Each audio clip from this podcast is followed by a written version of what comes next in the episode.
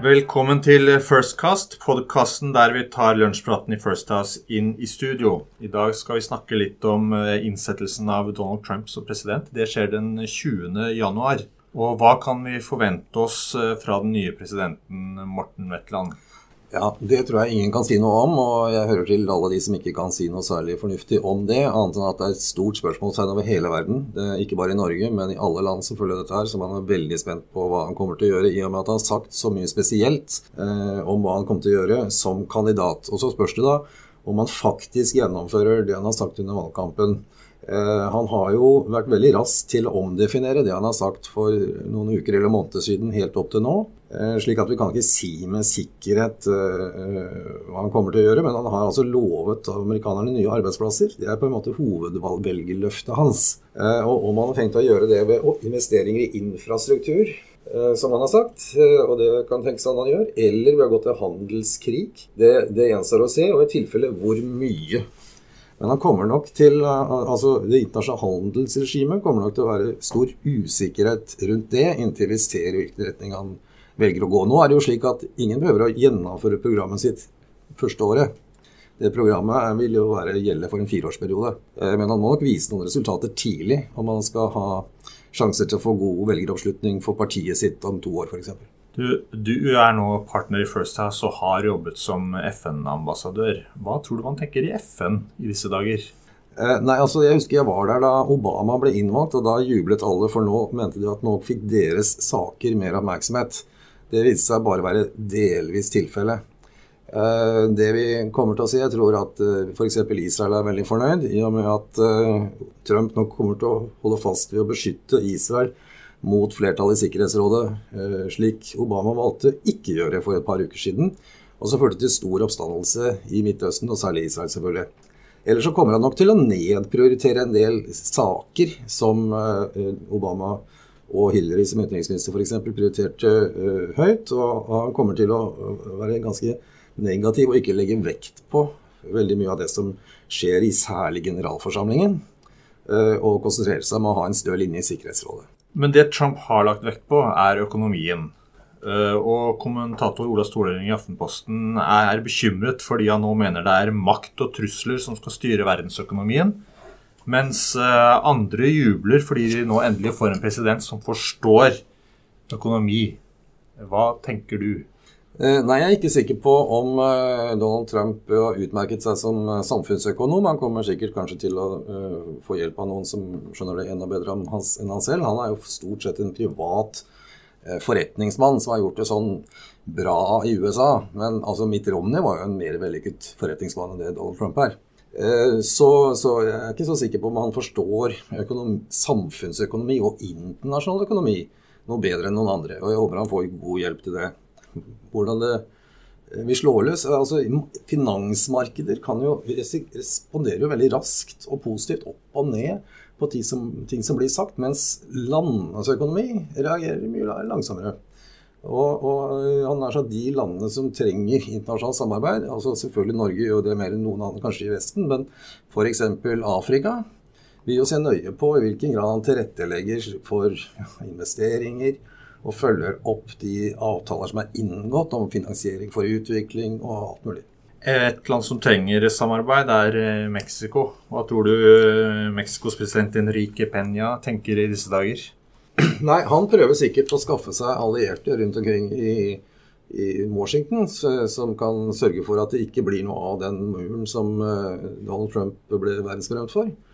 Og som med et uh, slag gjorde meksikanere til annenrangs borgere uh, på den uh, vestlige halvkule. Så, så, jeg vil nok tro at han er en klok mann som sørger for å skaffe seg allierte rundt omkring i verden, og sørger for at handlingsrommet for Trump til å, å, å behandle negativ, Mexico negativt blir mindre enn Donald Trump har sagt til velgerne sine. Noe jeg tror mange lurer på, Vetland, er hvordan helt sentrale personer i Trumps nye regjering kan ha helt andre meninger, eller i hvert fall til sydene virker å ha helt andre meninger enn det Donald Trump selv har. Og jeg tenker f.eks. For mm. på forsvarsministeren James Mattis som eh, nylig eh, pekte på Russland når han skulle forklare hvem som var eh, USAs største fiende. Men det rimer jo ikke helt med Trumps Putin-relasjoner. Nei, det gjør ikke det. Og så gjenstår det å se hva de faktisk sier og gjør når de kommer inn i de posisjonene og må uh, gjennomføre politikk fra dag til dag. Det er egentlig ikke nytt at det er spenninger eller forskjeller innad i en amerikansk regjering. Altså Obama han overtok jo den sittende republikanske forsvarsministeren da han ble president, som hadde tjent som forsvarsminister under George W. Bush. Og Obama tok jo Hillary som utenriksminister, som hadde brukt all sine krefter på å bekjempe Barack Obama som president. Dette her går helt tilbake til Abraham Lincoln, som bemannet sin regjering med alle sine verste politiske motstandere i eget parti. Um, og det eh, har fremstått som et lysende eksempel. Hold sine motstandere så tett som mulig til, til, til, kroppen? Ja, hold vennene nære, men motstanderne enda nærmere. Ja. Hva tenker du om eh, sanksjonene mot Russland? Kommer eh, Trump til å jobbe for å få dem opphevet, eller kommer han til å beholde disse sanksjonene? Nei, Han kommer nok til å jobbe for å få de opphevet. Og så er det ting som tyder på at han kommer til å ønske å beholde sanksjoner mot Iran. Uh, men det er jo ikke så lett, for de sanksjonene som ble opphevet, de ble opphevet av Sikkerhetsrådet. Og Sikkerhetsrådet kommer ikke til å følge Donald Trump i det spørsmålet, f.eks. Helt til slutt, hva skal skje selve dagen den 20. formelt? Ja, Da skal han uh, sverge troskap til konstitusjonen, og så skal han holde sin tale. Og Dette er jo ting som blir lagt veldig stor vekt på i det amerikanske samfunn. Hva sier presidenten i sin tiltredelsestale? Uh, da har vi ikke sant, uh, Franklin Roosevelt We have nothing but to fear but fear itself. Og vi har Kennedys 'Ask not what do you can do for your country', 'The country can do for you, but what you can do for your country'. Så noen av disse utslagene er jo gått inn i historiebøkene som uh, setninger som definerte samtiden. Jeg må si jeg har ikke noe tro på at vi kommer til å oppleve det med positivt fortegn i, i morgen akkurat.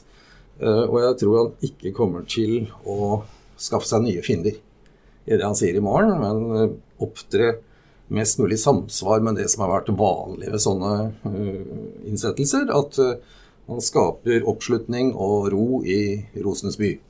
Da får vi vente og se hva som kommer i talen til Trump. Takk for at du kom. Da har Firstcast beveget seg til Stockholm, hvor vi er på besøk hos eh, ambassadør Kai Eide i, den norske ambassaden. Og Eide, hva gjør egentlig en ambassadør i Stockholm? ganske mye. Fra politikk, næringsliv, kultur. Men jeg tror de fleste vil bli overrasket over hvor mye tid vi bruker på næringsliv, forskning, innovasjon, det å bringe norske og svenske miljøer sammen. Det tar utrolig mye tid. Kanskje 35-40 av, av min tid, helt sikkert. Og dermed sier jeg syns vi har lykkes ganske godt i å bringe sammen norske miljøer innenfor life science f.eks og innenfor andre deler av hele innovasjonsområdet.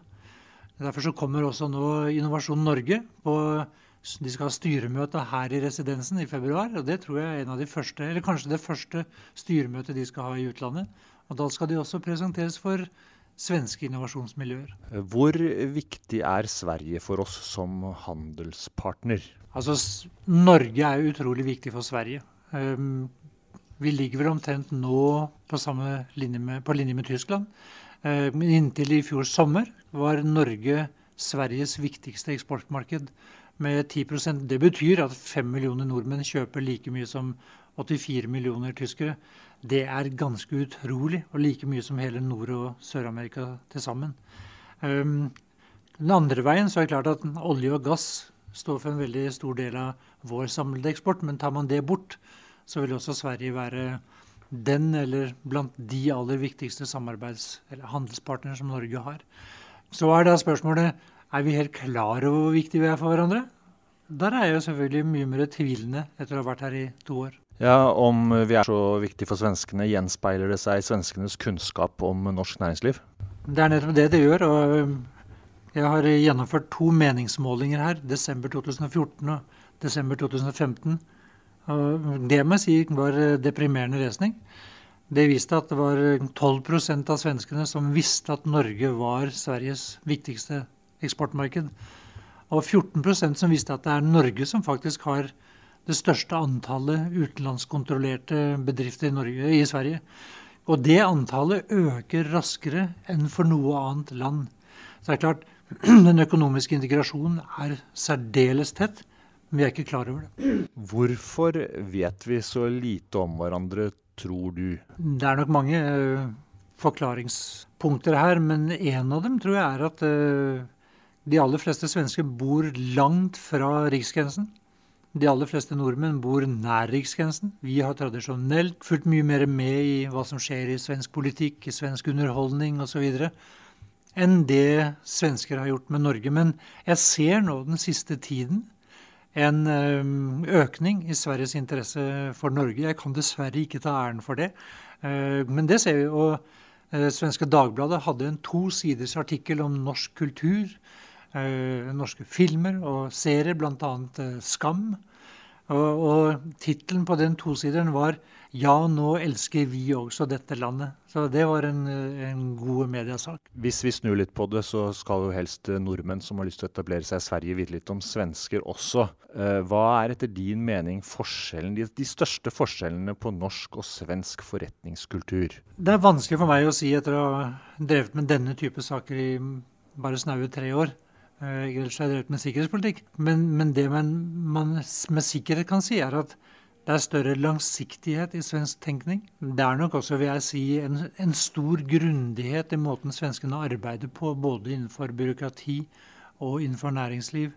Eh, jeg tror nok en del nordmenn som er etablert her, har trodd de hadde en, en, en handel litt før de egentlig hadde det, eh, og har overtolket signaler. Og jeg tror det er viktig å være klar over at svenskene tar gjerne litt lengre tid på seg enn det vi gjør før det hele er avsluttet. Hele Europa er opptatt av brexit. Hvordan jobbes det med brexit i Sverige? Svenskene som jeg nevnte, har jo en stor grad av grundighet i måten de går fram. Og i regjeringsapparatet så har de jo gjennomført svært omfattende analyser felt for felt av hvilke eh, konsekvenser dette kan få. Nå er jo situasjonen at man fortsatt ikke vet hva britene vil ha. Eh, men svenskene har gjort et veldig, veldig omfattende arbeid. Det er klart svenskene er bekymret. Storbritannia er en viktig handelspartner. Men de er jo kanskje enda mer en viktig samarbeidspartner innenfor EU-systemet. Det får selvfølgelig en virkning på hvordan svenskene orienterer seg framover. Det er de veldig opptatt av. Hva tenker du vi i Norge kan lære av uh, svenskenes uh, brexit-forberedelser? Jeg vil kanskje ta det videre enn det. da. Uh, hvor, hva føler jeg vi kan lære av svenskene? Jo, jeg tror dette med grundighet er, er ganske viktig. Jeg ser det på andre områder. Både når det gjelder politikk, samfunnsutvikling. Så tror jeg svenskene ofte gjennomfører grundigere tenkning av hva som skjer, og hvordan man skal møte utfordringene, enn det eh, vi gjør. Den grundigheten eh, skulle jeg ønske vi kunne lære litt av. Så vi tar litt for mye på sparket? Nei, vi er i hvert fall ikke like, like grundige, føler jeg. Men når det er sagt, så, er det jo, så opplever jeg jo også at norske og svenske miljøer samtaler ganske mye om ulike saker. Og vi har jo ofte delegasjoner fra norsk embetsverk, eh, fra norsk næringsliv, som kommer hit for å se hvordan håndterer dere et problem som vi egentlig har i fellesskap? Samtidig så er det jo slik at svenske miljøer også ofte reiser til Norge for å høre hvordan vi har håndtert det. Så det er jo en stor grad av utveksling av ideer og tankegods som pågår. Jeg har forstått det slik at dere jobber med et talentnettverk. Kan du utdype hva, hva består dette arbeidet i? Det gjør vi sammen med Handelskammeret. Og det er jo et forsøk på å knytte norsk og svensk næringsliv enda tettere til hverandre. Det skjer på den måten at vi fire ganger i året, to ganger i Oslo, to ganger her i Stockholm, bringer sammen 20-25 unge svenske næringslivsledere og norske. Så får de anledning til å eh, snakke med hverandre, bygge nettverk, være sammen et par-tre dager hver av disse fire seansene. Så forsøker vi også nå mer å holde dette ved like over år. Og troen er jo da at uh, dette her skal kunne være en prosess som, hvor flere nordmenn får et nettverk i Sverige, og, og, omvendt.